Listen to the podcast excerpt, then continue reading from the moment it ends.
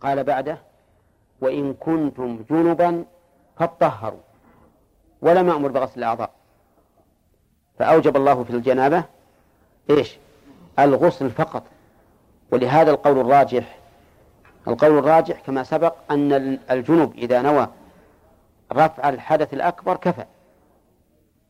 ما حاجة ينوي رفع, رفع الحدثين. لأن الله لم يوجب إلا إيش؟ إلا أن نطهر فقط. ما أوجب علينا أن نغسل الأعضاء الأربعة وهذا دليل على أن موجب الجنابة هو إيش؟ الاغتسال فقط. فما أوجب غسلا لم يوجب إلا الغسل. إلا إن دل إجماع على خلاف ذلك فالإجماع متبع. وإلا فإننا نقول لا ما أوجب غسلا أوجب غسلا فقط إلا بدليل. طيب لكن على كلام المؤلف هو هذا. وكل ما أوجب غسلا إلا الموت. شوف الموت استثنوه. الموت إذا مات الإنسان وجب غسله. وجب غسله. فالموت عندهم موجب للغسل لكن لا يوجب الوضوء. يعني بمعنى أنه لا يجب على الغاسل أن يوضئ الميت أولا فيغسل وجهه إلى آخره. وهذا من غرائب العلم. كيف ينفون وجوب الوضوء في تغسيل الميت مع أن الرسول صلى الله عليه وسلم قال ابدأنا بميامنها؟ وش بعد؟ ومواضع الوضوء منها. هذا من الغرائب. لكن على كل حال على قاعدتهم يقولون إن الموت موجب للغسل للغسل وليس موجب للغسل وليس واجبا وليس موجبا. للوضوء بمعنى أنه لو جاء رجل ونوى وغمس الميت في في نهر أو في بركة ناويا تغسيله ثم رفعه فإن ذلك يجزئ ليش؟ لأن الموت يوجب انتبهوا الغسل ولا يوجب الوضوء فيقال هذه نحن نوافق على أن الموت يوجب الغسل ولا يوجب الوضوء لأن ما في دليل على إيجاب الوضوء وإن كنا قد نقول إن فيه دليل إن فيه دليل وهو قوله ومواضع الوضوء منها. لكننا نقول ليتنا نسحب هذه القاعدة في في في الموت على بقية موجبات الغسل. ونقول موجبات الغسل لا توجب إلا الغسل لأنه لا دليل على إيجابها للوضوء. طيب الموت وش وجه استثنائه؟ قال لأن الشارع إنما أمر بتغسيل الميت. فيقال الشارع أمر بتغسيل الميت والبداءة بمواضع وضوئها. إن قالوا لأن الموت حدث لا يرتفع. قلنا لكن الوضوء عندكم بمعنى تغسيله بمعنى ها؟ ارتفاع الحدث. ما مر علينا في كتاب الطهارة؟ ولا اللي راح ينسى؟ ها؟ الطهارة ما هي؟ وما في معناه وزوال الخبث. فهذه في معنى ارتفاع الحدث لأننا غسلنا وحكمنا بطهارته مع أن الحدث الموجب للطهارة ها؟ لا زال باقيا. فيقول هذا بمعنى ارتفاع الحدث. ما شاء الله ما كملت الدقة الله يهديكم. إلى الآن باقي على تكمل شوي. ها؟ طيب. نعم. خمس إيش؟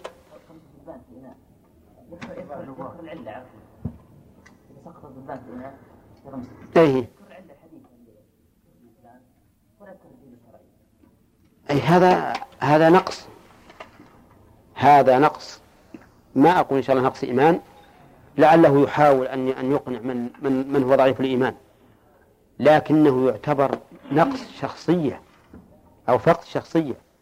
يعني أنا أرى يجب على المسلم أن يعتز بإسلامه.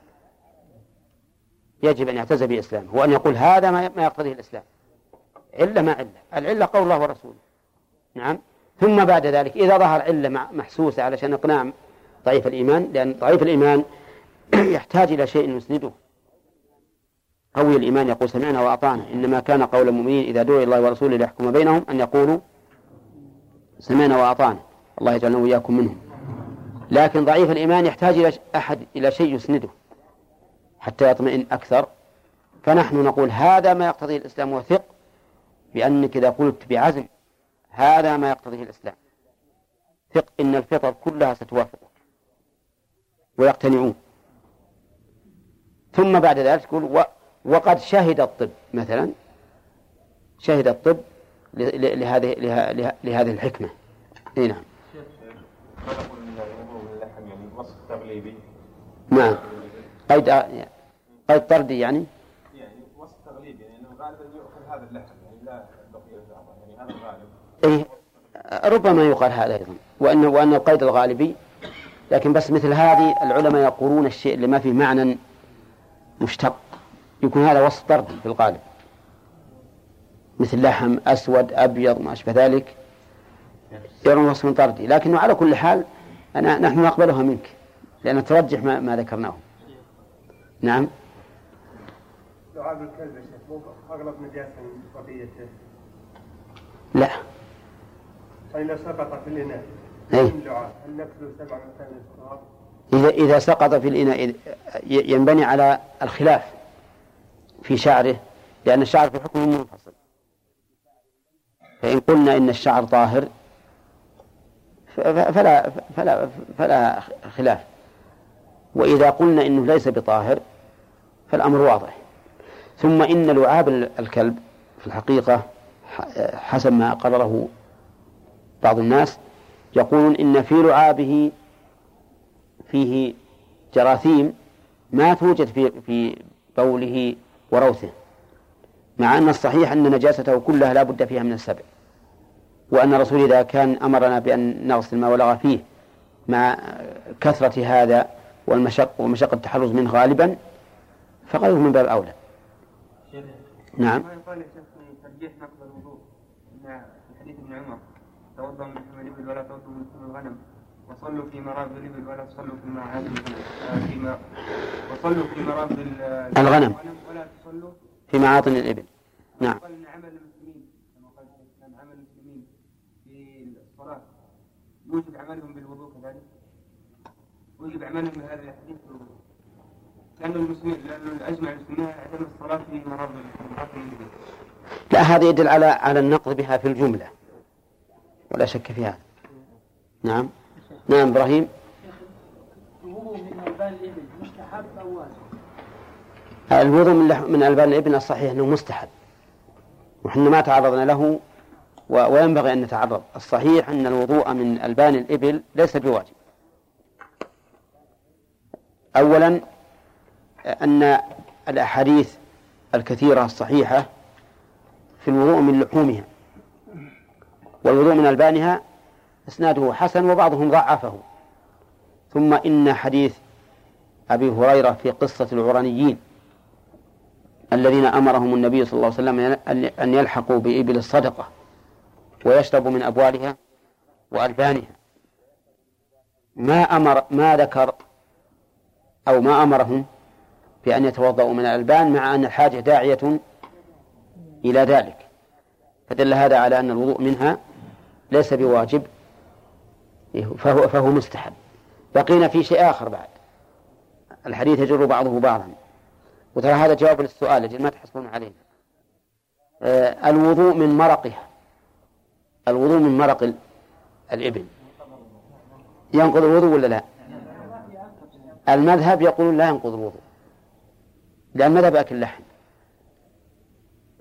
وعلى هذا فلو شرب الإنسان آه، مرق لحم قد ظهر فيه طعم اللحم فإنه لا لا يجب عليه الوضوء. وفيه وجه آخر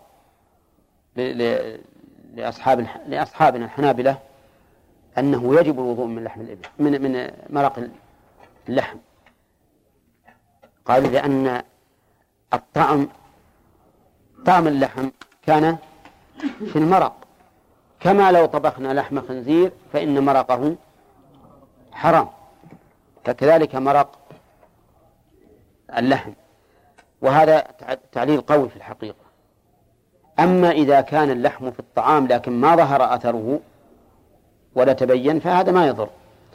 لكن كلام على مرق اللحم الخاص. يعني في بعض الناس يطبخون اللحم وحده ويكون مرقه خاصا. فالأحوط أن أن يتوضأ. نعم. واحد. ها؟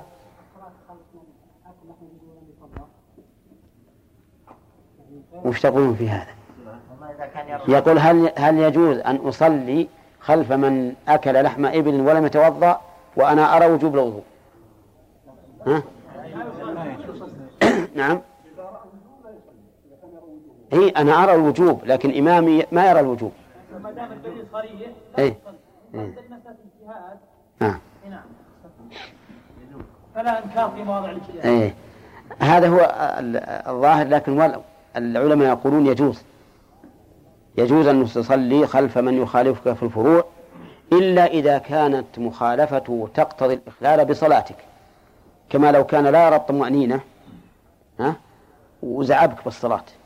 خلاك ما تطمئن لا في ركوع ولا في السجود هذا معلوم ما يجوز تقتدي به لأن هذا يخل بصلاتك أما شيء ما يؤثر على الصلاة سابق فهذا لا بأس به تصلي خلفه. مثل ما لو أن أحدا يرى نقض الوضوء بمس المرأة ولو بدون شهوة وآخر لا يرى نقض الوضوء بمس المرأة يصلي الأول خلف الثاني ها؟ نفس الشيء هي هذه. لكن لا شك أنه كلما قوي الدليل ضعف جواز الاقتداء به. لكن ما رأيكم لو أن رجلين سمعا ريحا من أحدهما؟ ما غلط. سمع صوت ريح. سمع صوت ريح من أحدهما ما في المكان غيرهم. وسمع صوت ريح. ولكن ما يدرى أيهما.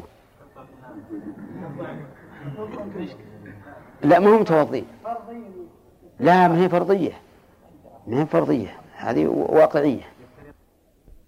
يكون إماما له؟ ما يجوز. ليش؟ لأن أحدهما قطعا صلاته باطلة. فإن كان هو الإمام فقد اقتديت بإنسان صلاته غير صحيحة. وإن كان المأموم فقد نوى الإمامة بمأموم لا تصح صلاته. عرفتم؟ ولهذه المسألة ذي استثناها العلماء. لأن هذه ما تعود إلى اجتهاد. طيب لو اختلفنا لو اختلفنا في القبلة. نحن في البر الآن. ولا معنى مثل بوصلة دليل قبلة. أنا إذا قلت قلت القبلة هنا على اليمين وأنت قلت على الشمال. نصلي جماعة؟ لا لا ما يجوز. يصلي باجتهاده. اي اي عرفتم ذي؟ هذه بعض العلماء يقول لا تصح الإمامة. ما هو لأجل إني أعتقد أنا أعتقد أن صلاتك صحيحة. أعتقد لو توافقا فصلاتك باطلة. أعتقد أن صلاتك صحيحة. فهمت؟ لكن يقولون لهذه ما تصح للتضاد. للتضاد. وشلون أنا الزيك كفاي وأنت تلزين كفاك وتصير إمام لي؟ نعم؟ هذا ما وين وين الائتلاف؟ بخلاف الاستدارة حول حول الكعبة. فالاستدارة حول الكعبة صحيح إن وجوهنا ما هي بواحدة لكنها كل واحد وجه للثاني. نعم. نعم. نعم. وقلنا ان الحديث حسن نعم. نعم. فإذا اعتقدنا قبوله أنه حسن نعم. لو نلحقه بلحوم الإبل. نعم. لأن الدلالة واحدة والقبول واحد. أي لكن لكن بأنه ضعيف ونقول أنه لا يصح نعم نعم. يعني هو نقول إن الذي منع الوجوب هي قصة العرنيين قصة العرانيين ولا كان نقول يجب الوضوء. فهذه القصة لو كان هذا شيء واجب كان الرسول ينبههم عليه. على أن أبدا ذولا ناس وفود توهم جايين ما هو على كل حال ما هو على كل حال. ثم الحديث مو مخرج واحد. لو قرن مع مع الإبل كان نعم ما لنا حق نقول هذا يجب وهذا يستحب لكن الحديث مستقل. توضأوا من ألبان من ألبان الإبل. أي نعم. ينقض الوضوء. ينقض الوضوء. يسمونها الخلع يعني؟ لا بس. ها. قطعا ثم وضعناه في الطعام. أي نعم. هل ينقض؟ هذا ينبني على القول بنقض المرق. هل ينقض أم لا؟ وفيه وجهان في المذهب. المذهب أنه لا ينقض. والقول الوجه الثاني أنه ينقض لكن بشرط أن يظهر طعم اللحم. أما إذا لم يظهر وتلاشى في الطعام فهذا لا ينقض قولا واحدا. لو ظهر طعمه قطعا يظهر طعمه وهو عاد حسب الكثرة حسب الكثرة إذا وضع فيه كثير ظهر طعمه. ولكن الطعم لا يضر لأنه من جنس اللبن ومن جنس ومن جنس المرق ما ما ما يجب فيه. ما يقال فيها تحايل يا شيخ. نعم؟ ما يقال فيها تحايل مثل ما فعل بنو إسرائيل. لا ما في تحايل لأن هذا أصلا ما في ما في وضوء. الوضوء الوضوء من اللحم فقط. قال ومن تيقن الطهارة وشك في الحدث. من تيقن الطهارة وشك في الحدث أو بالعكس بنى على اليقين.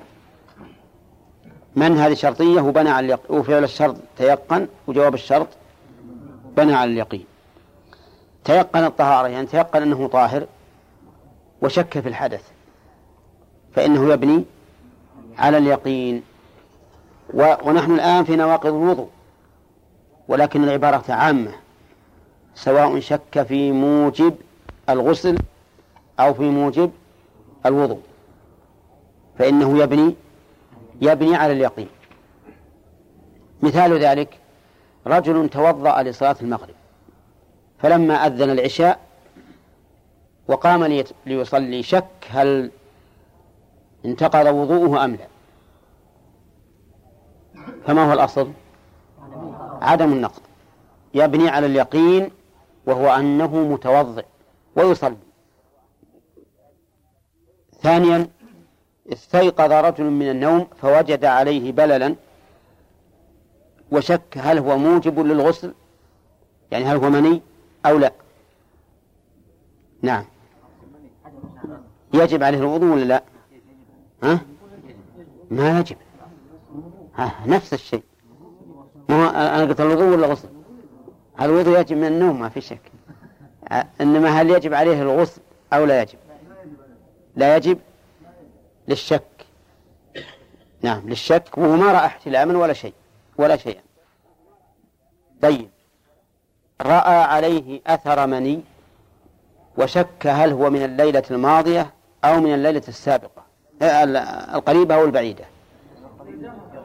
يكون من القريبة اليقين القريبة. وما قبلها مشكوك فيه. إذن يقضي الصلوات من الليلة القريبة لا مما سبق لأن الأصل عدم وجوده. فهذه القاعدة قاعدة مهمة ولها فروع كثيرة جدا. ومبناها على حديث أبي هريرة وعبد الله بن زيد. في الرجل يجد الشيء في بطنه ويشكل عليه. هل خرج منه شيء أم لا؟ قال النبي صلى الله عليه وسلم لا ينصرف حتى يسمع صوتا أو يجد ريحا. وفي حديث أبي هريرة لا يخرج يعني من المسجد حتى يجد صوتا حتى يسمع صوتا أو يجد ريحا. مع أن القرينة قرينة الحدث موجودة. ما هي؟ ما في بطنه من القرقرة والانتفاخ مثلا موجودة ومع ذلك قال الرسول صلى الله عليه وسلم لا ينصرف حتى يسمع صوتا أو يجد ريحا وهذا الحديث على أنه ورد في مسألة جزئية من الدين. ينبني عليه أشياء كثيرة في الطلاق وفي العقود وفي أشياء كثيرة. يعني يتفرع عليه فروع كثيرة جدا. نعم وهذا من بركة كلام النبي صلى الله عليه وسلم وحكمه أنه تنحل به إشكالات كثيرة. وهذا في الحقيقة من يسر الإسلام ومن كون الإسلام يريد من أمة الإسلام أن لا يكونوا في قلق وحيرة وأن تكون أمورهم واضحة جلية. لأن الإنسان لو استسلم لمثل هذه الشكوك نعم. لتنغصت عليه حياته. إذ أن الشيطان لن يفلته حتى يقتصر الأمر على مسألة الطهارة.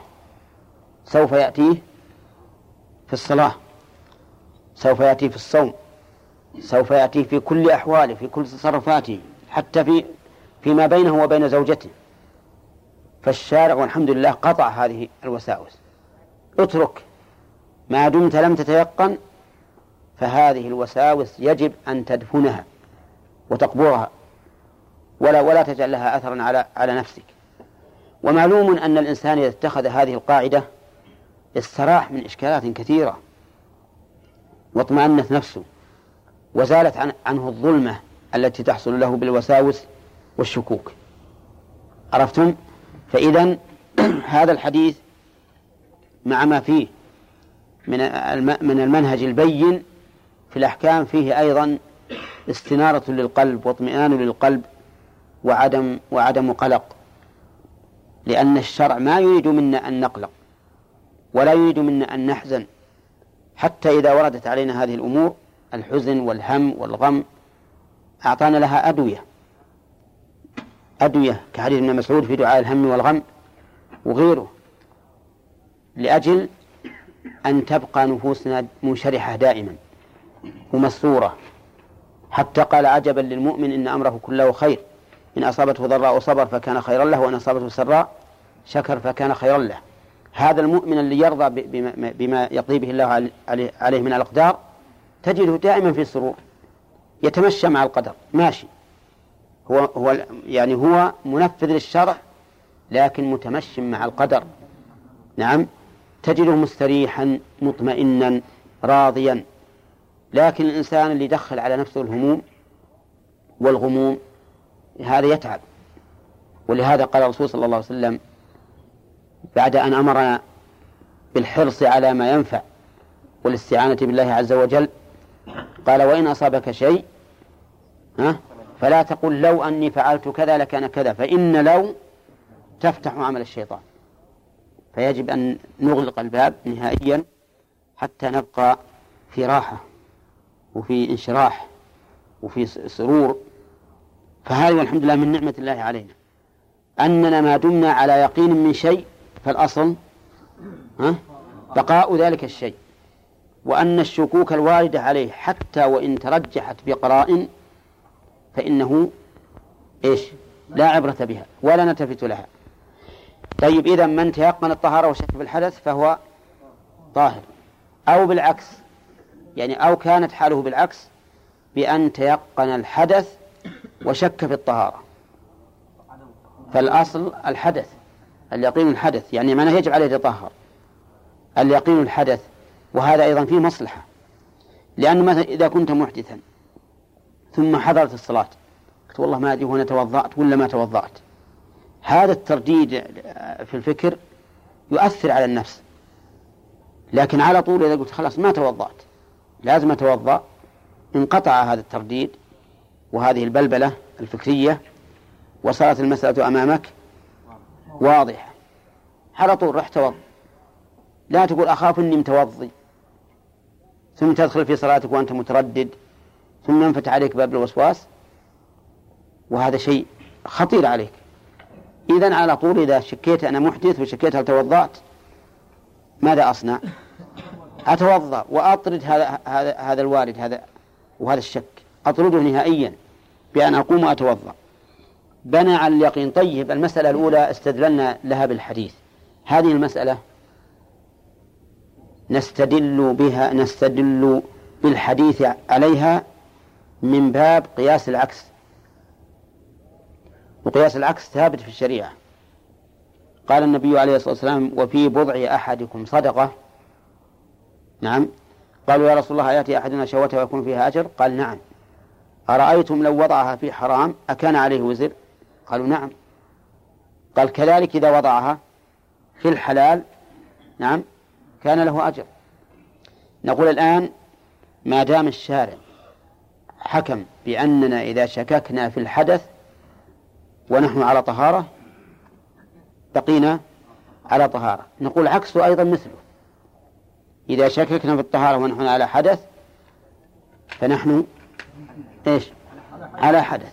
يجب علينا أن نتطهر. طيب. ومثله لو أن الإنسان صار عليه جنابة وشك هل اغتسل أم لا؟ شك هل اغتسل أم لا؟ ها؟ يغتسل. يغتسل ولا يتردد. لا يقدر يتفطن يقول ها بشوف بتفطن. هم من يحكي حياته فكره من من استيقظ من النوم إلى صلاة الظهر. وش سويت؟ وين رحت؟ عشان يشوف هو اغتسل. ما حاجة لهذا. على طول اذهب واغتسل. وكما يقول العامة يقول اقطع الشك باليقين.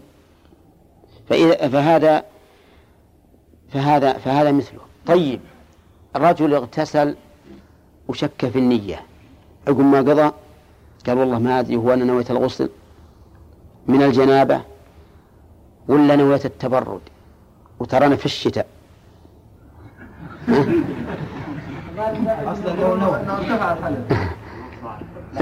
وش نقول له؟ نقول معقول أن التبرد بالشتاء هذا مو مو معقول. في, في ناس يعني يلحقهم الوسواس إلى هذا.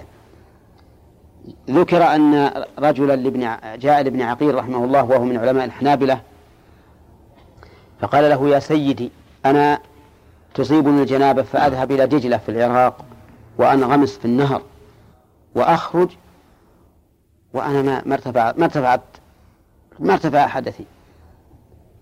فقال له ابن عقيل رحمه الله ليس عليك صلاة. ما عليك صلاة أنت؟ ولا ما عليك صلاة. قال لأن رجل يروح يغتسل في دجلة ثم يخرج وهو يقول ما ارتفع حدثي هذا مجنون. وقد قال النبي صلى الله عليه وسلم رفع القلم عن ثلاثة. عن النائم حتى يستيقظ والصغير حتى يبلغ وال- والمجنون حتى يفيق فمن الناس من يكون هذه حالة. اللهم لك الحمد. الله يعافيهم ولا يبلانا لكن لكن الحمد لله الشارع قطع عنا هذا الشيء. ابني على اليقين عندك ولا تلتفت. حتى لو قال لك الشيطان ما نويت أو ما أشبه ذلك لا, لا يهمك. وهذا كما يدخل في الوضوء يدخل أيضا في الغسل ويدخل في الصلاة بعد. أحيانا يجي الإنسان ما يكبر.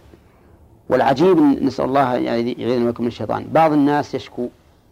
يقول أنا في صلاة الفريضة ما أستطيع أكبر. أعجز. أعجز أكبر. وفي صلاة النافلة ما يهمه. أكبر عادي. شفنا صلاة ليش؟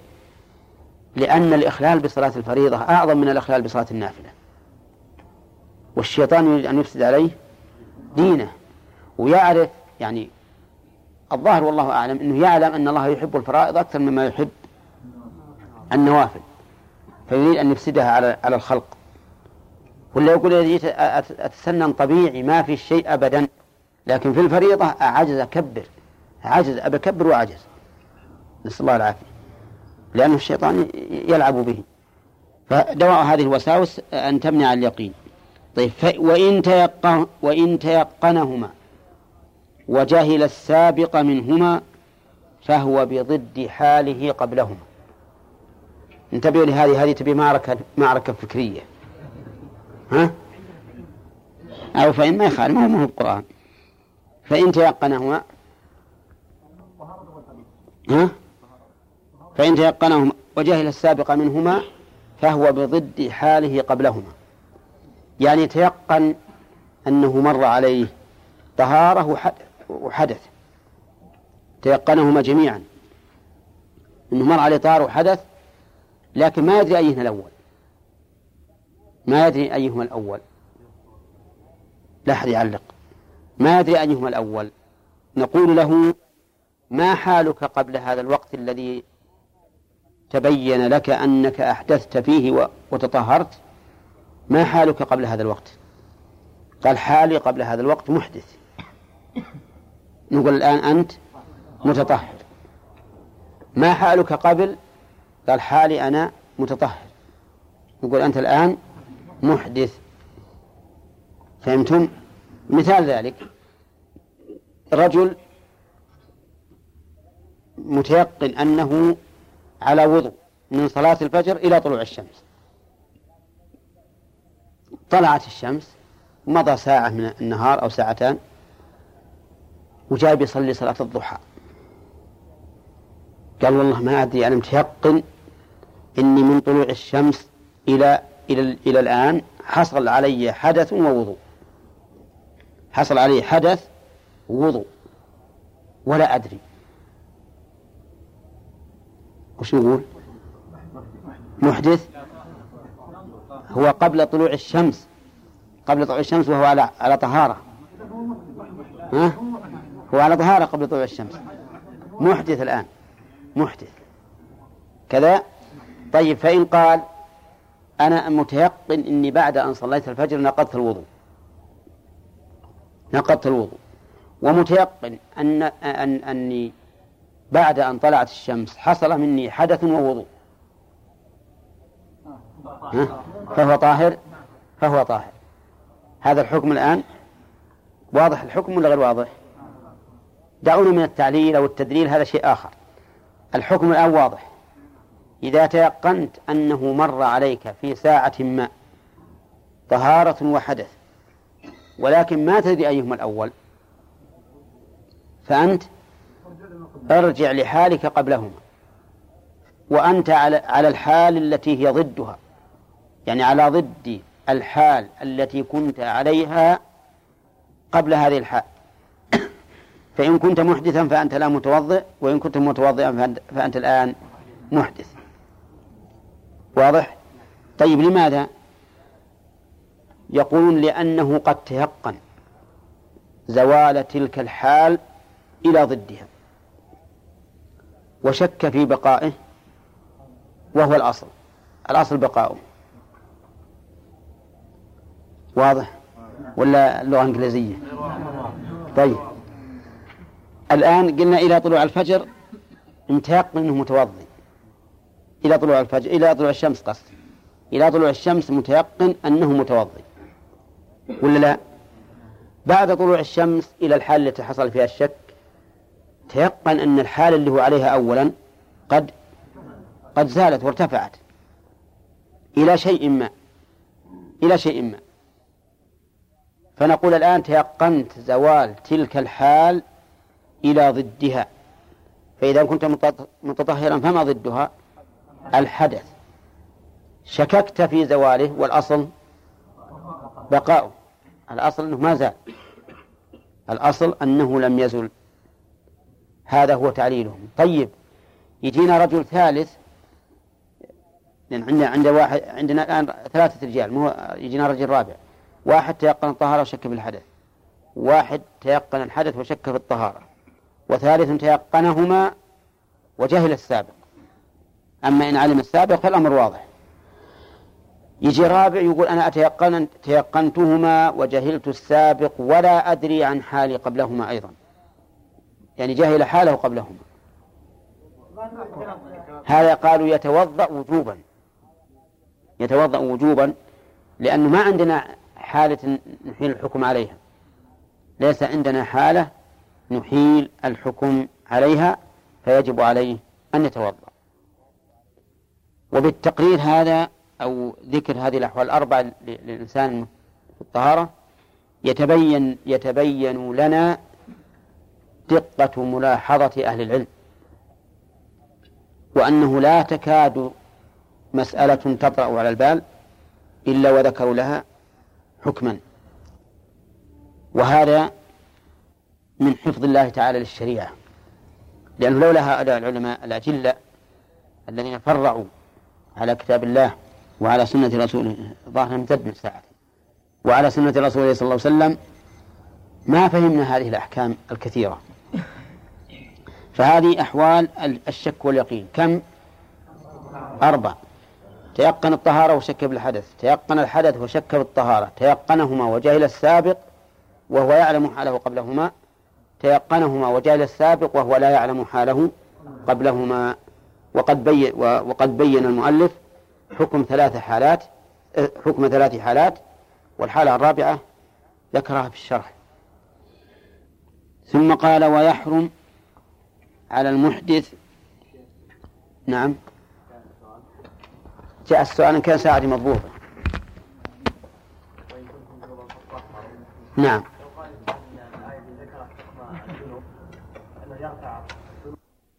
تيقن الطهارة والحدث وشك أيهما أسبق فهو على ضد حاله حاله قبلهما والتعليل لأنه قد تيقن زوال تلك الحال إلى ضدها وشك في بقاء ضدها والأصل بقاؤه فيه رأي آخر يقول يجب الوضوء مطلقا. في رأي آخر يقول يجب الوضوء مطلقا. تعليله يقول لأنه تيقن أنه حصل له حادثان. حالان حال حصل له حالان. وهذان الحالان متضادان. ولا لا؟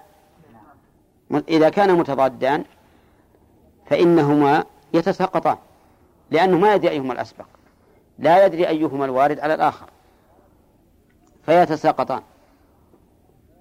وهو قد تيقن زوال تلك الحال الأولى قد تيقن زوالها. وهو كان متطهرا فيجب عليه وش يجب عليه؟ يجب عليه الوضوء. يجب عليه الوضوء احتياطا.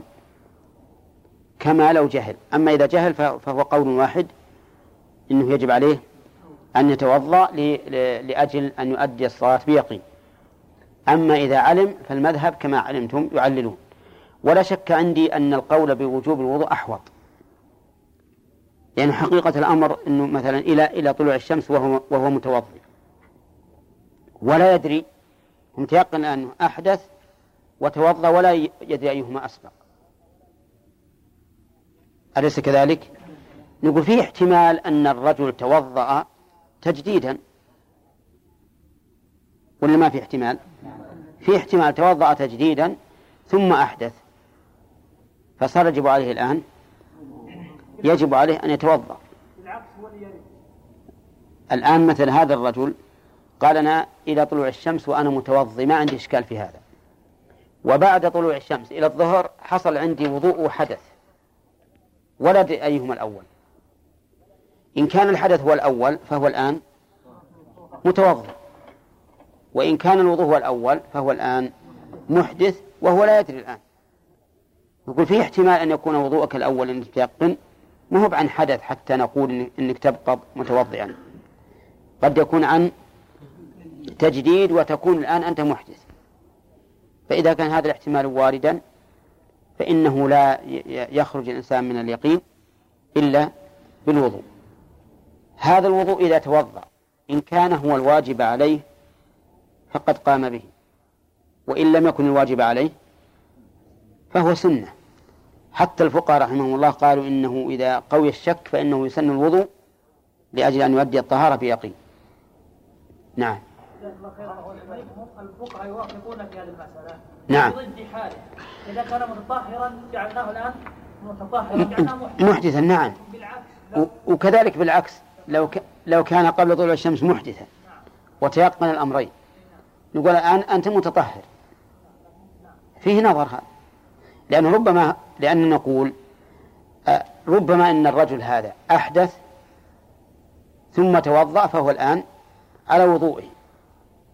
وربما أن الرجل جدد وضوءه ثم جدد وضوءه الأول اللي صلى به الفجر.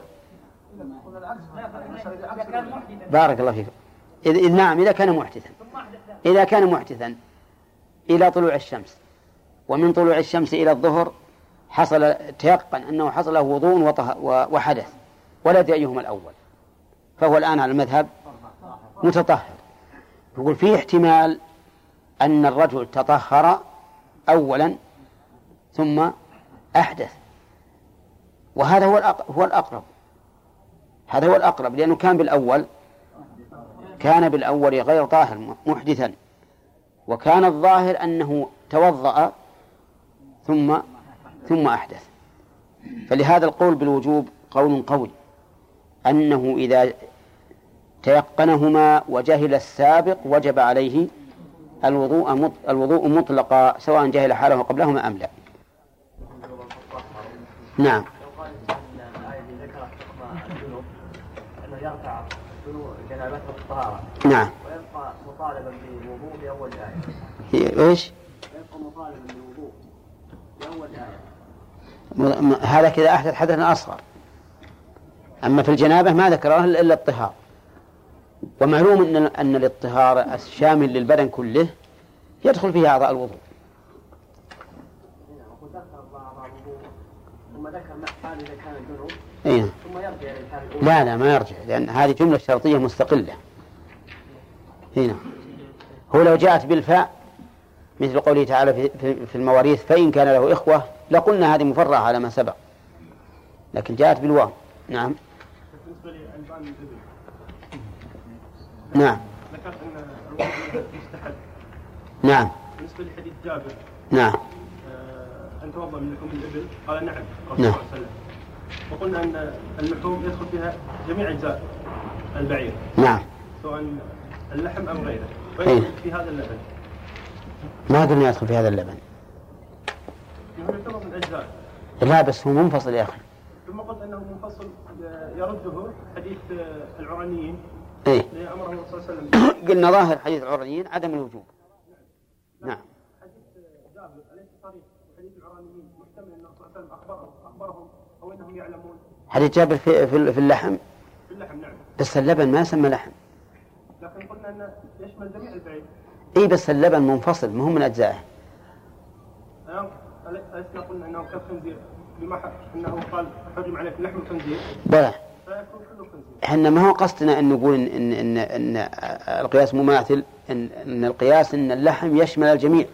هذا قصدنا. ما هو قصدنا معناه إن بنقيس ولا كان نقول مرقه أيضا المرقه يجب فيه الوضوء كما قلنا في في مرق ال- الخنزير مثلا.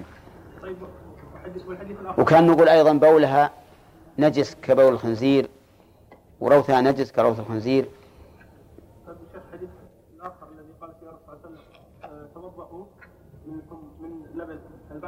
نعم. هذا ليس الوجوب هذا صحيح ظاهره الوجوب. ولهذا فيه رواية عن أحمد عن الإمام أحمد بوجوب الوضوء من ألبان الإبل. لكن نحن نقول إن هذه كلمة ألبان لا شك أنها من اللحوم. ليست من اللحوم قطعا ولا أحد يقولها لا لغة ولا عرفا. وإذا لم تكن من اللحوم وحديث العرانيين مع أن المقام يقتضي أن يبين لهم لو كان واجبا ما بين لهم فيدل هذا على أن المراد بالأمر الاستحباب. نعم. أليس عدم النقل ليس نقل العدم. نعم. نعم. نعم. فلا حاجة إلى أن نتوقع أنه طيب صح. لكن لكن ما ما ما تدعو الحاجة إليه. ولم ولم يذكر. ولم يذكر. يدل على أنه غير واجب. ولا نعم نقول عدم النقل ليس نقل العدم لو قال ولم نأمرهم صار واضح. لكن نقول ما دام الحاجة مقتضية مقتضى لذكره ولم يذكر كان ذلك دليلا على أنه ليس بواجب. الخروج من الغضب ليس ضعيفا. ذكرتم نعم نعم. هو الحديث ضعيف لكن شيخ الإسلام رحمه الله يرى أنه حسن ويستدل به. نعم. الوضوء من الباب خنازير ما هو الدليل عليها؟ ألبان الخنازير؟ حرام ألبان الخنازير يا شيخ. ما ما في دليل؟ الإجماع دليله دليله الإجماع. الشاك متى يرجح؟ ها؟ الشاك متى يرجح؟ الشاك؟ الشاك الطهارة ما فيه إلا اليقين. أبدا. حتى لو غلب على ظنه الحدث فهو لا, لا يلتفت إليه. نعم. أصاب فرج رجل مرض. فهنا النجاسة المني يخرج باستمرار. إيه. يعني يمكن أن يتوضأ هذا الشخص وينزل المني. بل احتمال ينزل هذا المني في الصلاة. إيه. هذا حكم حكم سلس البول إذا كان مستمر معه هذا ما هو- ما يوجب الغسل. لأن المني الموجب للغسل كما سيأتي- سيأتينا إن شاء الله هو المني الذي يخرج بدفق ولذة. يعني لا ما يعيدها إذا صار سلس بول يتحفظ يتوضأ ويتحفظ ويصلي. فيه رجل لو, لو أن رجلا أو نخليها في الأسئلة إن شاء الله الليلة القادمة. نعم. حديث الرسول صلى الله عليه وسلم تمضمض شرب اللبن وتمضمض فقال إن له دسم نعم. هذا ما يدل على عدم الوجوب من التوضا من اللبن. ال- إيه بس أي لبن؟ أقول أي لبن؟ عادة اللبن اللي ما هو بعدها. كثيرة ال- الغنم والشاة كثيرة في في المدينة. كانوا أجوار الرسول صلى الله عليه وسلم جيرانه كانوا عندهم إبل كان- ماذا كنتم تعيشون؟ ما يعني. ما نستطيع نعين إنه ابن المهم على كل حال إن- إنه اذا إحنا نقول الأصل أنا الذي أستند إليه حديث العرانيين. إنه ما أمروا بذلك. نعم. ترى اللي سال مره ما له يسال مرتين. إذا إذا استيقظ الشخص من المنام فوجد بل بل بلل في ثوبه نعم. ولا يذكر أي حلم ولا يذكر أي شيء أبدا هل عليه الوضوء؟ وضوء ولا غسل. ما عليه غسل. إلا إذا تيقن إنه مني. أما إذا كان إذا كان فيه احتلام وجد الماء فيحال على أنه مني لأن الرسول لما قال سئل هل على المرأة من غسل إذا احتلمت قال نعم إذا هي رأت الماء نعم نعم يعني إذا إذا نام مثلا النائم ورأى يعني ورأى بللا. ولم مثلا يذكر احتلاما فكيف نقول يعني ما يكون عليه غسل؟ يعني من أين سيأتي هذا البلد؟ من أين يأتي البلد؟ هل تيقنت أنه مني ما تيقن لكن رأى طيب. الإنسان وهو نائم أحيانا ما يخالف هو فرق بين المني وغيره فأنت الآن ما تيقنت ربما الإنسان في في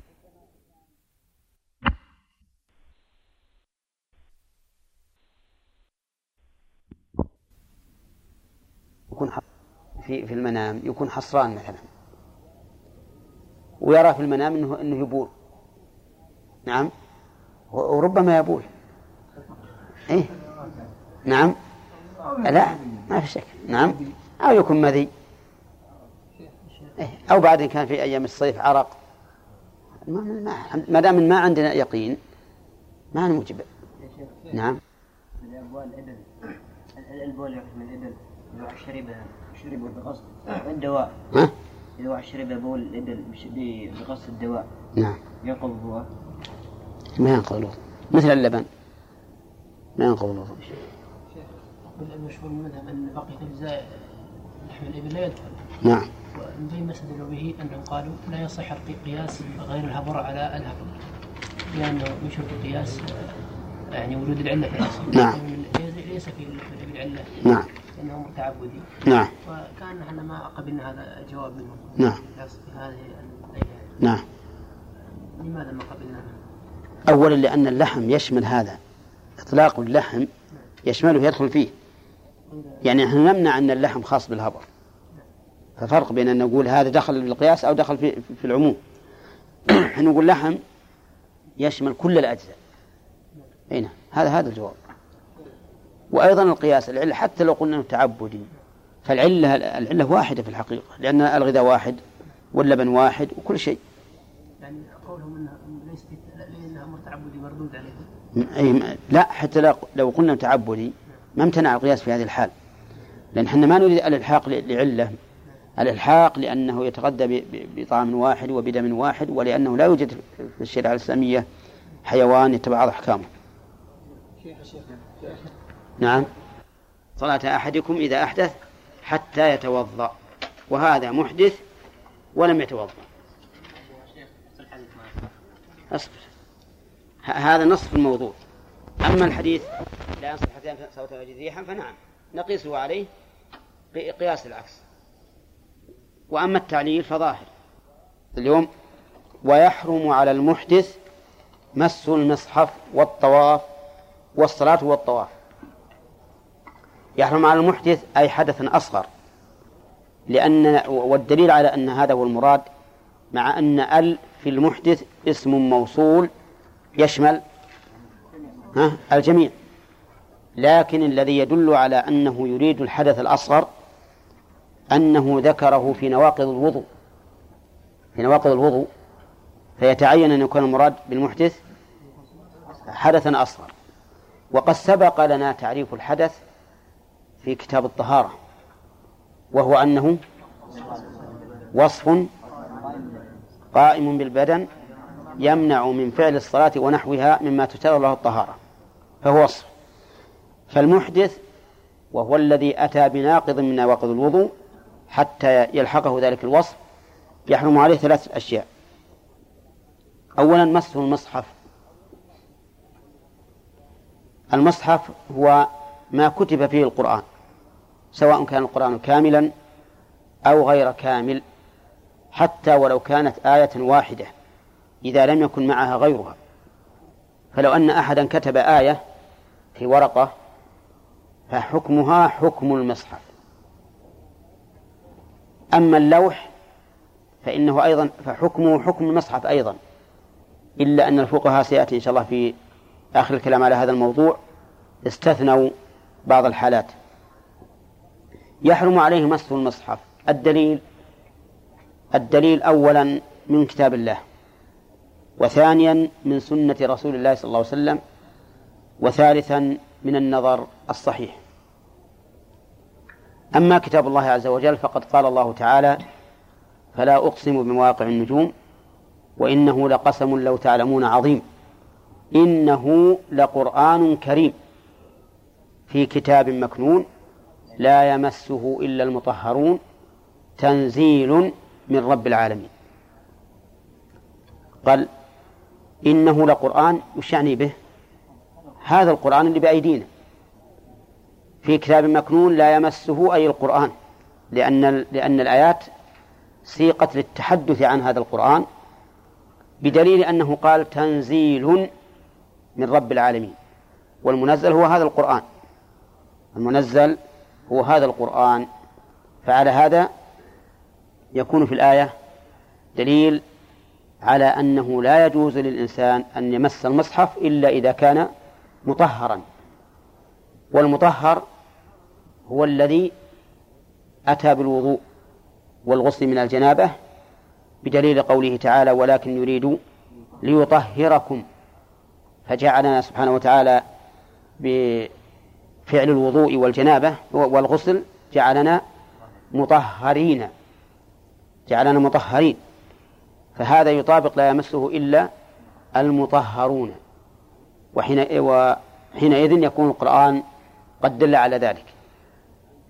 فإن قيل يرد على هذا الاستدلال أنه قال لا يمسه ولم يقل لا يمسه فلا هنا نافية وليست بناهية. قلنا إنه قد يأتي الخبر بمعنى النهي. بل إن الخبر المراد به النهي أقوى من النهي المجرد لأنه يصور الشيء كأنه أمر مفروغ منه كأنه أمر مفروغ منه وكان وقد كان معلوما أنه لا يمسه إلا المطهرون. وليس بعيدا عنا قوله تعالى والذين يتوفون منكم ويذرون أزواجا نعم. يتربصن بأنفسهن أربعة أشهر. وليس بعيدا عن من يقرؤون الحديث. قول النبي صلى الله عليه وسلم لا يبيع الرجل على بيع أخيه. لا يبيع. بلفظ الخبر. والمراد به النهي.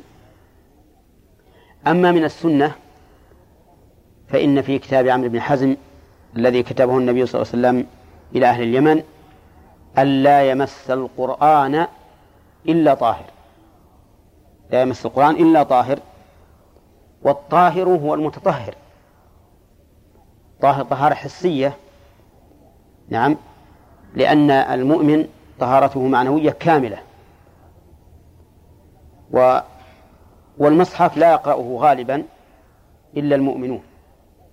فلما قال إلا طاهر علم أنها طهارة غير الطهارة المعنوية وهي الطهارة من الحدث. ودليل ذلك قوله قوله تعالى في آية الوضوء والغسل ما يريد الله ليجعل عليكم من حرج ولكن يريد ليطهركم وليتم نعمته عليكم.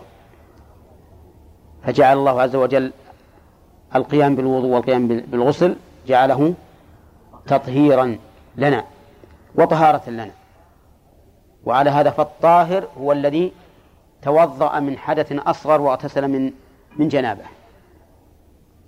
وأما النظر الصحيح فقالوا إنه ليس في الوجود كلام أشرف من كلام رب العالمين. وإذا أوجب الله تعالى الطهارة للطواف ببيته فالطهارة لتلاوة كتابه الذي تكلم به سبحانه وتعالى من باب أولى. لأن نحن الآن نتصل به بمعنى أننا ننطق بكلام الله عز وجل خارجا من من أفواهنا. فمماستنا لهذا الكلام الذي هو أشرف من البناء يقتضي أن نكون طاهرين كما أن طوافنا حول كعبة يقتضي أن يكون أن نكون طاهرين. فتعظيما لكلام الله عز وجل واحتراما له يجب أن نكون على طهارة. هذا هو تقرير الأدلة لمن قال بوجوب الطهارة لمس المصحف وأنه يحرم على المحدث أن يمس المصحف. وهي أدلة كما ترون ومن أهل العلم وهذا قول جمهور أهل العلم ومنهم المذاهب الأربعة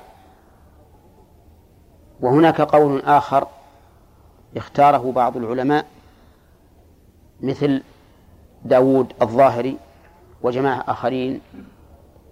قالوا إنه لا يجوز لا لا يحرم على المحدث مس المصحف. لا يحرم. وما دليلهم؟ قالوا لأن تلاوة القرآن بلا شك من ذكر الله. أليس كذلك؟ من أعظم الذكر. والحرف فيها بعشر حسنات. وقد ثبت في الصحيحين من حديث عائشة أن النبي صلى الله عليه وسلم كان يذكر الله على كل أحيانه. وأيضا الأصل براءة الذمة. الأصل براءة الذمة وعدم الوجوب.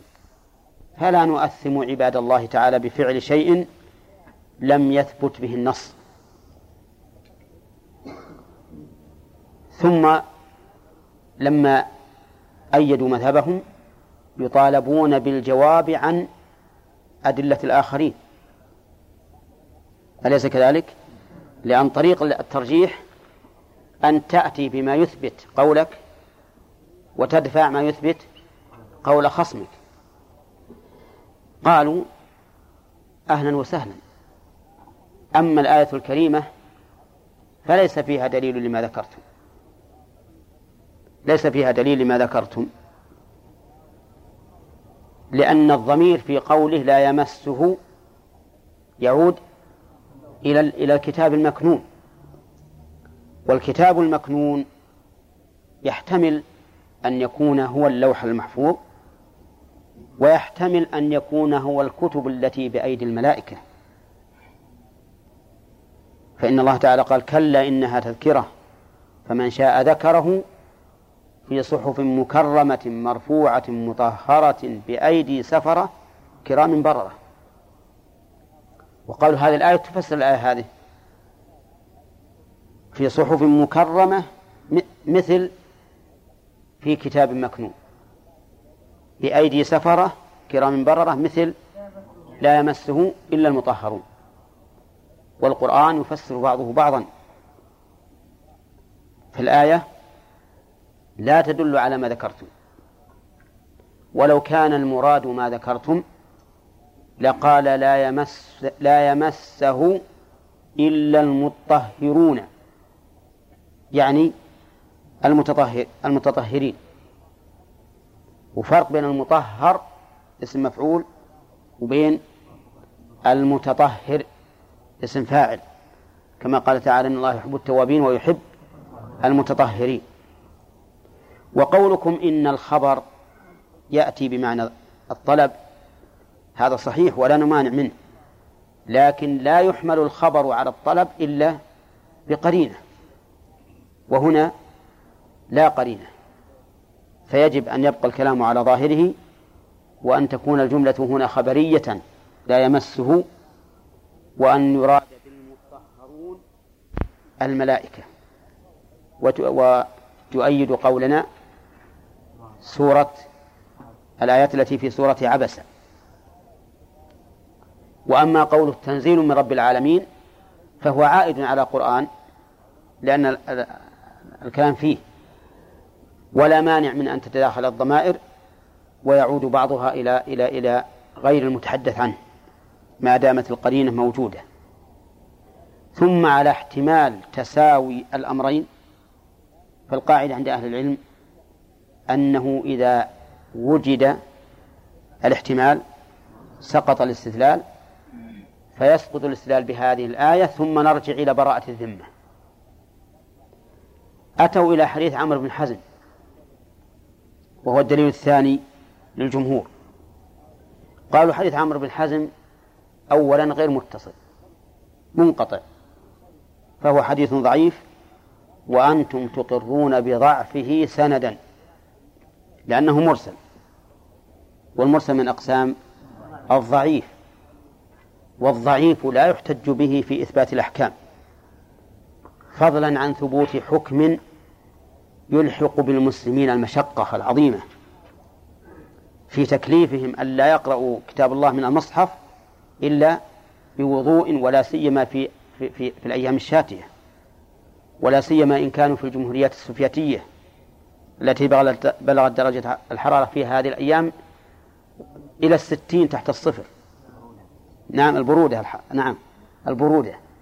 تلزمون هؤلاء تقولون درجة الحرارة ستين تحت الصفر. يعني في برودة عظيمة ولا لا؟ أكثر من التجمد. يقول هذا إذا ألزمنا عباد الله بهذا الشيء قلنا لا تقرأ القرآن إلا بوضوء هذا مشقة شديدة. فلا يمكن أن نلزم عباد الله تعالى بهذا الأمر الشاق بمثل هذا الحديث الضعيف. وأما قولكم النظر الصحيح فإننا لا نقر بالقياس أصلا لأن الظاهرية لا يقولون بالقياس. وإن كانوا يتناقضون في بعض الأحيان لكن هذه قادتهم أن القياس غير صحيح وأن القياس لا يفيد إلا الظن والظن في دين الله باطل وقد ذم الله تعالى الذين يتبعون الظن.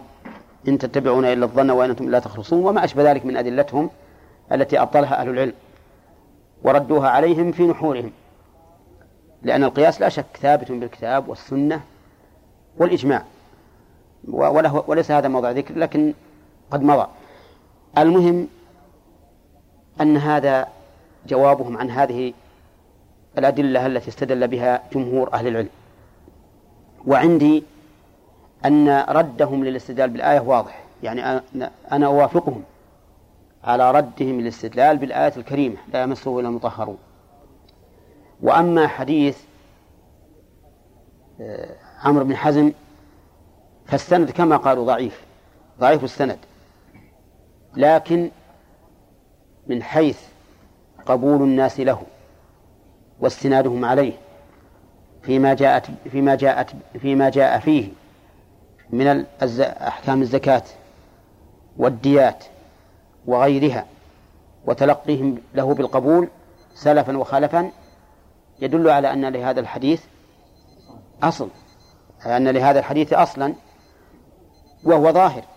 وكثيرا ما يكون قبول الناس للحديث سواء كان عمليا أو علميا يكون قائما مقام السند أو أكثر أو أكثر وأعظم. الأمة تستدل به من زمن التابعين إلى إلى يومنا هذا ثم نقول هذا ليس ليس له أصل وهو مردود هذا بعيد جدا. قالوا وإذا فرضنا أنكم قلتم بصحته بناء على شهرته فإن كلمة طاهر تحتمل أن يكون طاهر القلب من الشرك طاهر البدن من النجاسة طاهرا من الحدث الأكبر طاهرا من الحدث الأصغر. هذه احتمالات احتمالات أربع والدليل إذا احتمل احتمالين بطل الاستدلال فكيف إذا احتمل أربعة؟ قالوا إن الطاهر يطلق على المؤمن لقول الله تعالى إنما المشركون نجس هذا في إثبات النجاسة للمشرك. وقول النبي صلى الله عليه وسلم إن المؤمن لا ينجس هذا في نفي النجاسة عن المؤمن.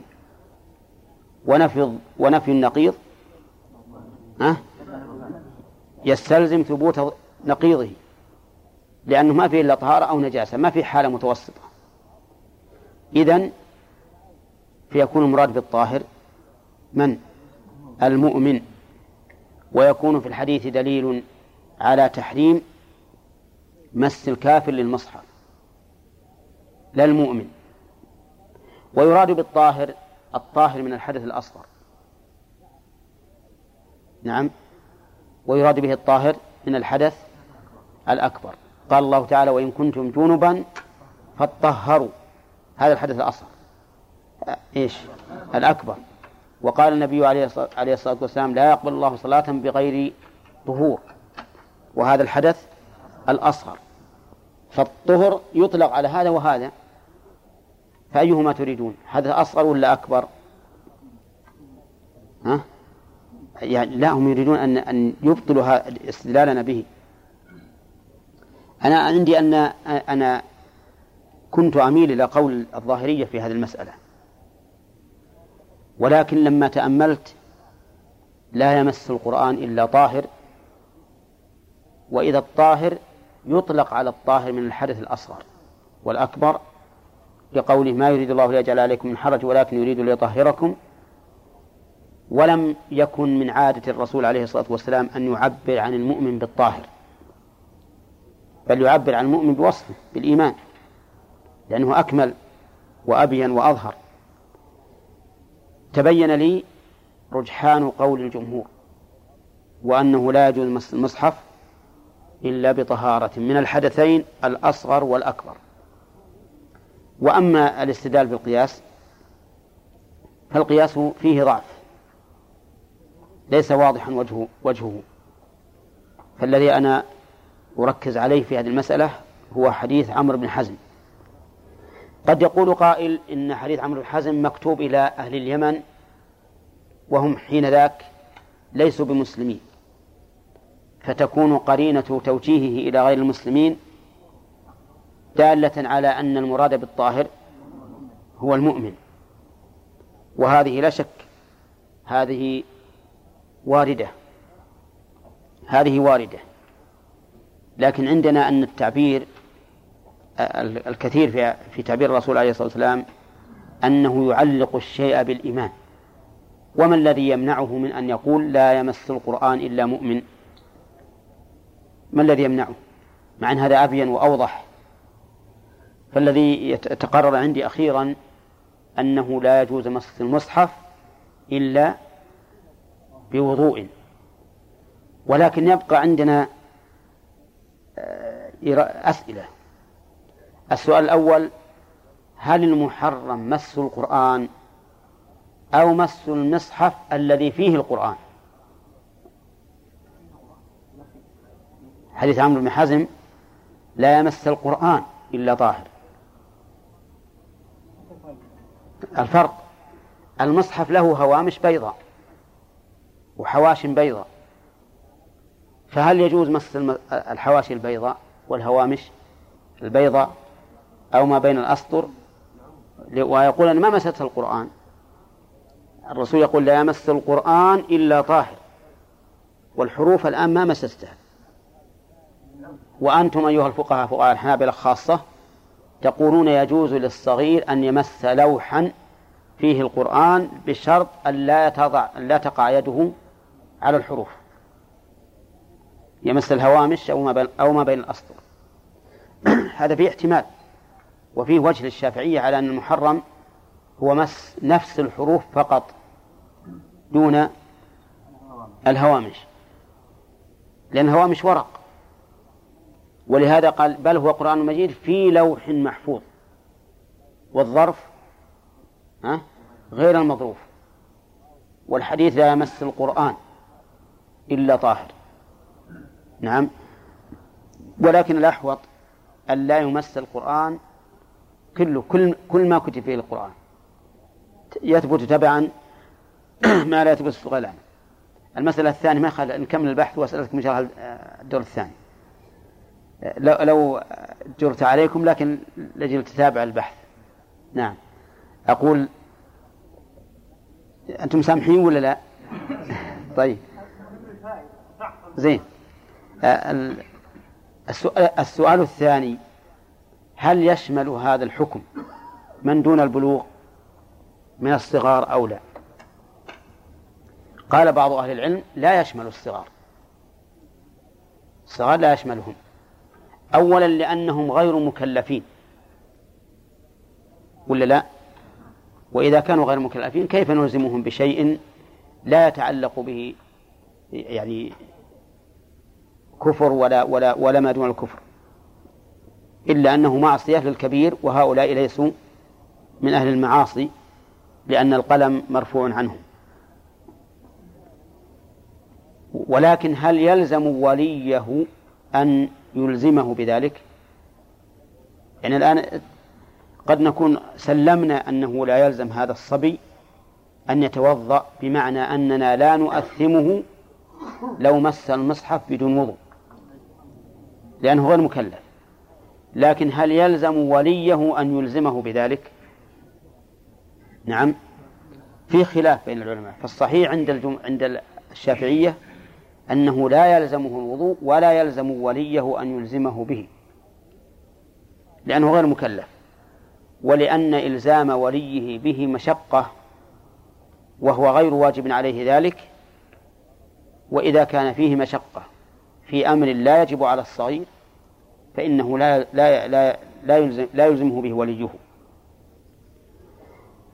أما المشهور من عند الحنابلة فإنه لا يجوز حتى للصغير أن يمسه بدون وضوء.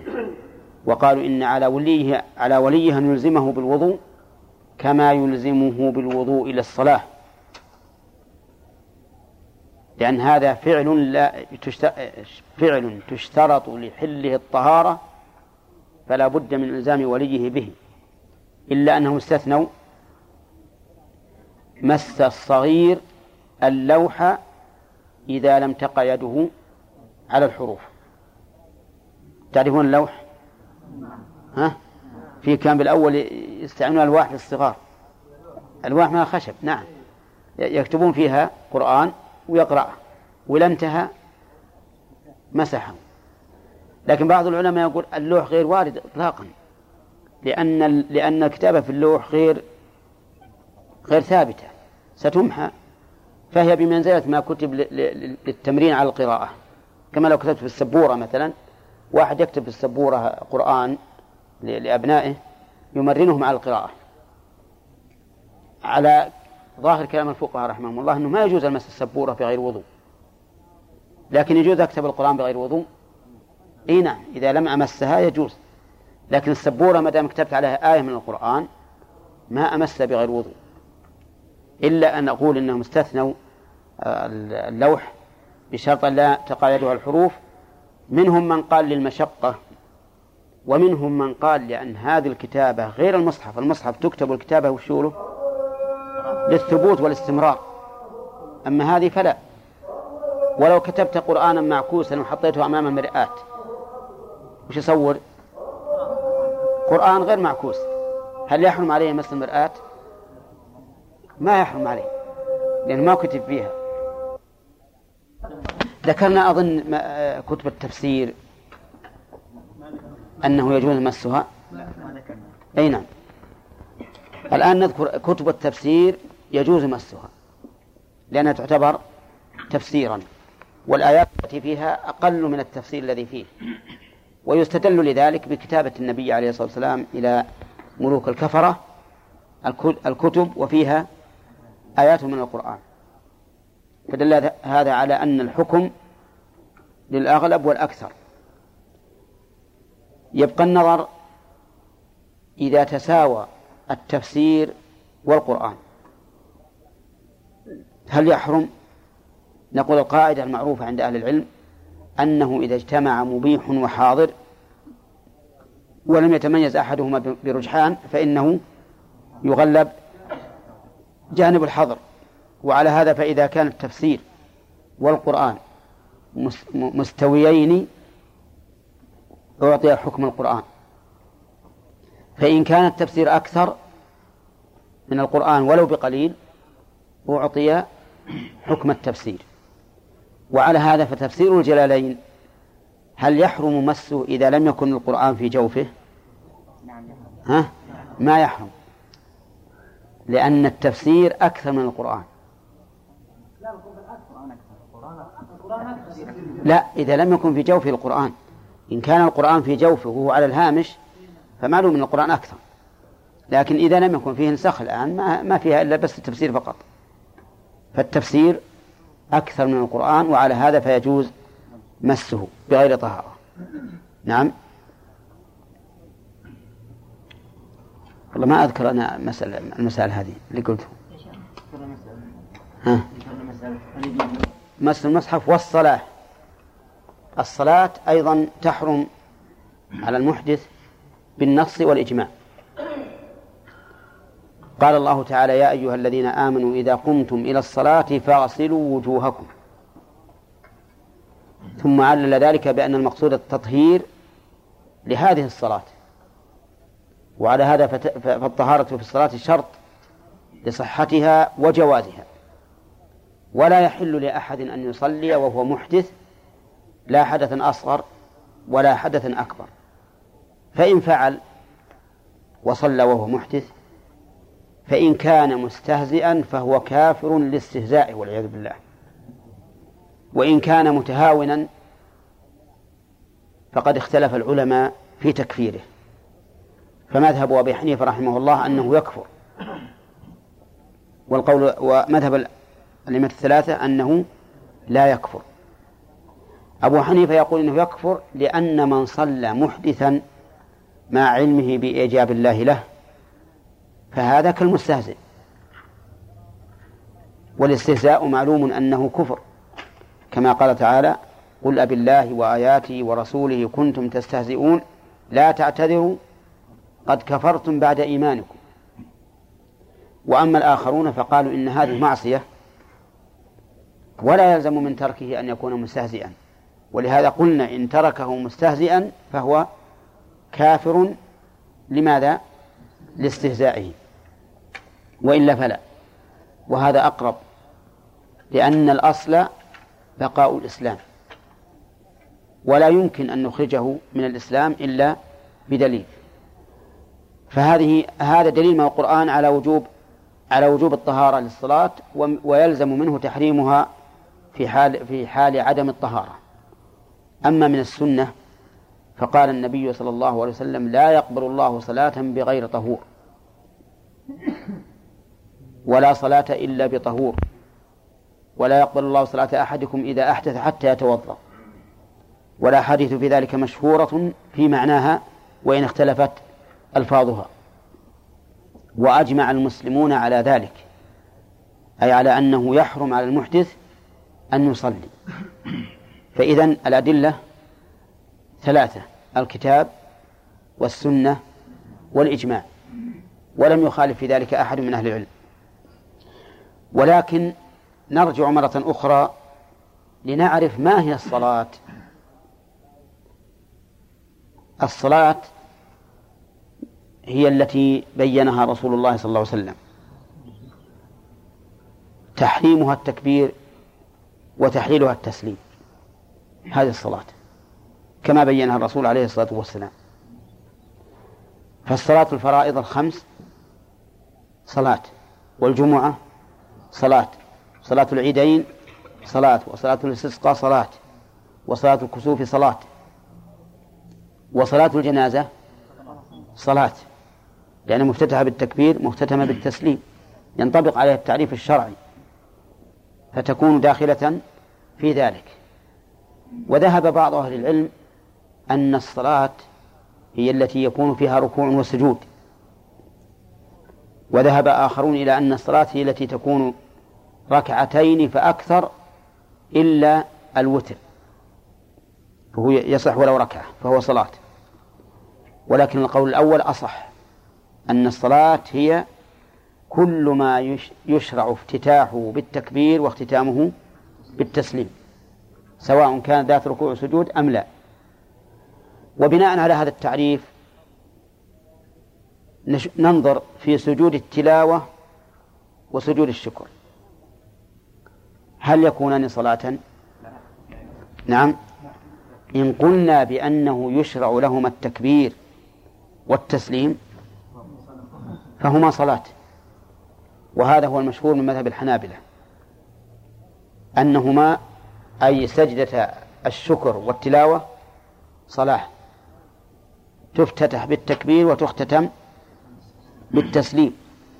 ولهذا يشرع عندهم أن يكبر إذا سجد وإذا رفع ويسلم. وبناء على هذا يحرم على المحدث أن يسجد سجدة التلاوة وهو غير طاهر وأن يسجد سجدة الشكر وهو غير طاهر. عرفتم؟ إذن الخلاف في سجدتي التلاوة والشكر مبني على إيش؟ على أنهما. هل هما صلاة أو لا؟ فإن قلنا إنهما صلاة وجب لهما الطهارة. وإن قلنا إنهما غير صلاة لم تجب لهما الطهارة. والمتأمل للسنة يدرك أنهما ليس بصلاة. لأن الرسول عليه الصلاة والسلام كان يسجد للتلاوة ولم ينقل عنه أنه كان يكبر إذا سجد ولا إذا رفع ولا يسلم إلا في حديث رواه أبو داود في التكبير للسجود دون الرفع منه ودون التسليم. ولأن الرسول عليه الصلاة عليه الصلاة والسلام سجد في سورة النجم وسجد معه المسلمون والمشركون. والمشرك لا لا لا يصح منه صلاة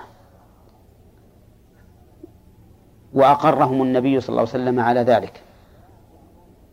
وهذا الأخير قد يعارض فيه معارض فيقول إن سجود المشركين في ذلك الوقت قد يكون قبل فرض الوضوء. لأن فرض الوضوء لم يكن إلا مع فرض الصلاة. والصلاة ما فرضت إلا متأخرة. قبل الهجرة إما بسنة أو بثلاث سنوات فهي متأخرة. وما دام الاحتمال قائما فالاستدلال به فيه نظر. لكن اللي تأمل سجود الرسول عليه الصلاة والسلام عند للشكر سجوده عند التلاوة يظهر أنه لا يكبر. وعليه فلا تكون سجدة التلاوة وسجدة الشكر من الصلاة وحينئذ لا يحرم على من كان محدثا أن يسجد للتلاوة أو للشكر على غير طهارة.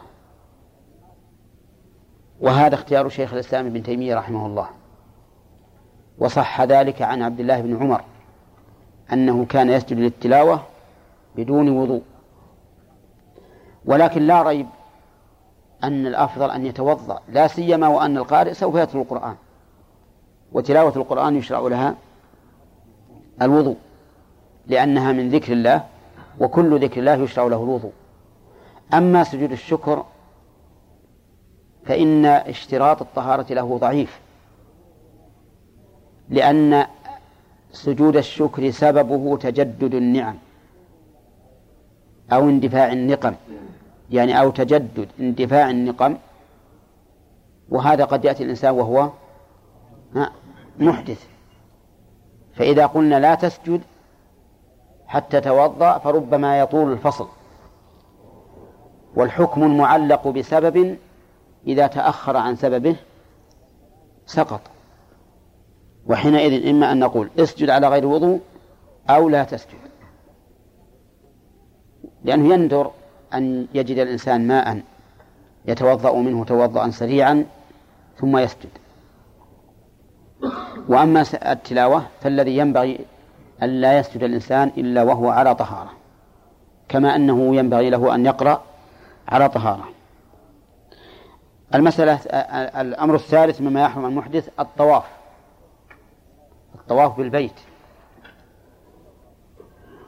فالطواف بالبيت سواء كان طواف نسك كالطواف في الحج والعمرة أو طواف تطوع مطلق كما لو قام الإنسان في سائر الأيام فيطوف. فإنه لا يح فإنه يحرم عليه أن يطوف إلا إلا بوضوء. الدليل الدليل عدة أمور. الأمر الأول أنه ثبت عن النبي صلى الله عليه وسلم أنه حين أراد الطواف توضأ. توضأ ثم طاف. والثاني أن الرسول صلى الله عليه وسلم لما قيل له إن صفية قد حاضت وظن أنها لم تطوف طواف الإفاضة قال أحابستنا هي؟ والحائض طاهر ولا غير طاهر؟ غير طاهر. الثالث أن النبي صلى الله عليه وسلم قال الطواف بالبيت صلاة إلا أن الله أباح فيه الكلام. فلا تتكلموا فيه إلا بخير. وربما استدل بعضهم بقوله تعالى وطهر بيتي للطائفين والعاكفين وطهر بيت للطائفين والعاكفين والركع السجود. وجه الاستدلال أنه إذا وجب تطهير مكان الطائف فتطهير بدنه من باب أولى. فهذه أدلة أربعة استدلوا بها على وجوب الطهارة للطواف وهو قول أكثر أهل العلم على أنه لا يصح الطواف إلا بطهارة وأنه لو طاف وهو محدث حدثا أصغر أو أكبر فإن طوافه لا يصح مع أنه حرام عليه أيضا. وذهب بعض أهل العلم إلى أن الطواف لا تشترط له الطهارة ولا يحرم على المحدث وإنما الطهارة فيه أكمل. قالوا في في دليلهم على ذلك إن الأصل براءة الذمة حتى يقوم دليل على تحريم هذا الفعل إلا بهذا الشرط. وهنا لا دليل لأنهم سيناقشونه في أدلتهم. فلم يقل النبي عليه الصلاة والسلام يوم من الدهر لا يقبل الله طوافا بغير بغير طهور. ولم يقل لا تطوفوا حتى تطهروا.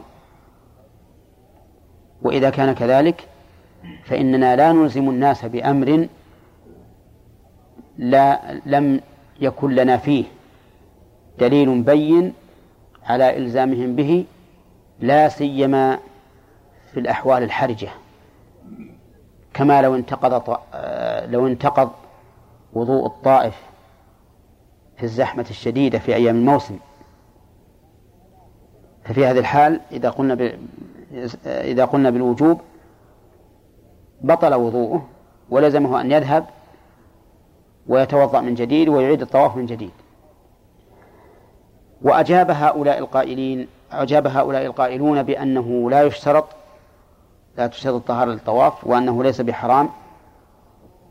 أجابوا عن أدلة القائلين بتحريم الطواف بغير وضوء.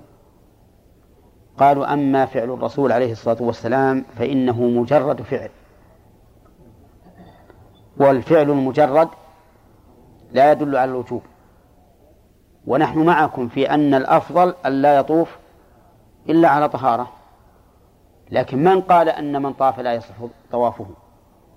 نوافقكم على هذا وأن الأفضل أن لا تطوف إلا على وضوء. وأما قول الرسول عليه الصلاة والسلام لصفي في صفية أحابستنا هي فإننا معكم في هذا. وهو أنه يحرم على الحائض الطواف. لأن لكم دليلين صريحين واضحين. حديث صفية هذا وحديث عائشة. قال افعلي ما يفعل الحاج غير أن لا تطوفي بالبيت فنحن معكم في أن الحائض يحرم عليها الطواف. ولكن الحيض ليس حدثا أصغر بل هو حدث أكبر. ثم إن الحيض سبب موجب موجب لمنع الحائض من المكث في المسجد. نعم. ممنوع من المكث في المسجد. والطواف لا شك أنه مكث لأن الإنسان سيطوف على على الكعبة. فنحن معكم في أن الحائض لا تطوف. لكن من أين نستدل بهذا على أنه لا يجوز للطائف أن يطوف وهو محدث حدثا أصغر. وأنتم توافقوننا على أن المحدث حدثا أصغر يجوز له أن يبقى في المسجد بغير وضوء؟ ولا يجوز للحائض أن تبقى في المسجد بغير وضوء؟ فهذا هو مناط حكم المنع عندنا أنه المكث في المسجد. وأما الحديث الذي يستدلهم به الطواف بالبيت صلاة فإن هذا لا يصح مرفوعا إلى النبي صلى الله عليه وسلم. كما قاله أهل المعرفة بالحديث. وإنما هو موقوف على ابن عباس رضي الله عنهما. فهو مما فيه مجال للاجتهاد وما فيه مجال الاجتهاد فإنه يرجع فيه إلى الكتاب والسنة. ثم إن هذا الحديث منتقض. لأننا إذا لأننا إذا أخذنا بلفظه الطواف بالبيت صلاة إلا أن الله أباح فيه الكلام. فإنه على مقتضى القواعد الأصولية يقتضي أن جميع أحكام الصلاة تثبت للطواف إلا إلا الكلام. تحريم الكلام في الصلاة ثابت وهنا ليس بثابت. والدليل على أن جميع أحكام الصلاة تثبت له إلا الكلام أن من القواعد المقررة في في علم الأصول أن الاستثناء معيار العموم. يعني إذا جاء شيء عام ثم استثني منه معناه أنه كل الأفراد يتضمن هذا العموم. فالاستثناء معيار العموم. ولننظر. إذا نظرنا إلى الطواف وجدنا أنه يخالف الصلاة في غالب الأحكام. في أحكام كثيرة غير غير مسألة الكلام فهو أولا يجوز فيه الأكل ولا لا؟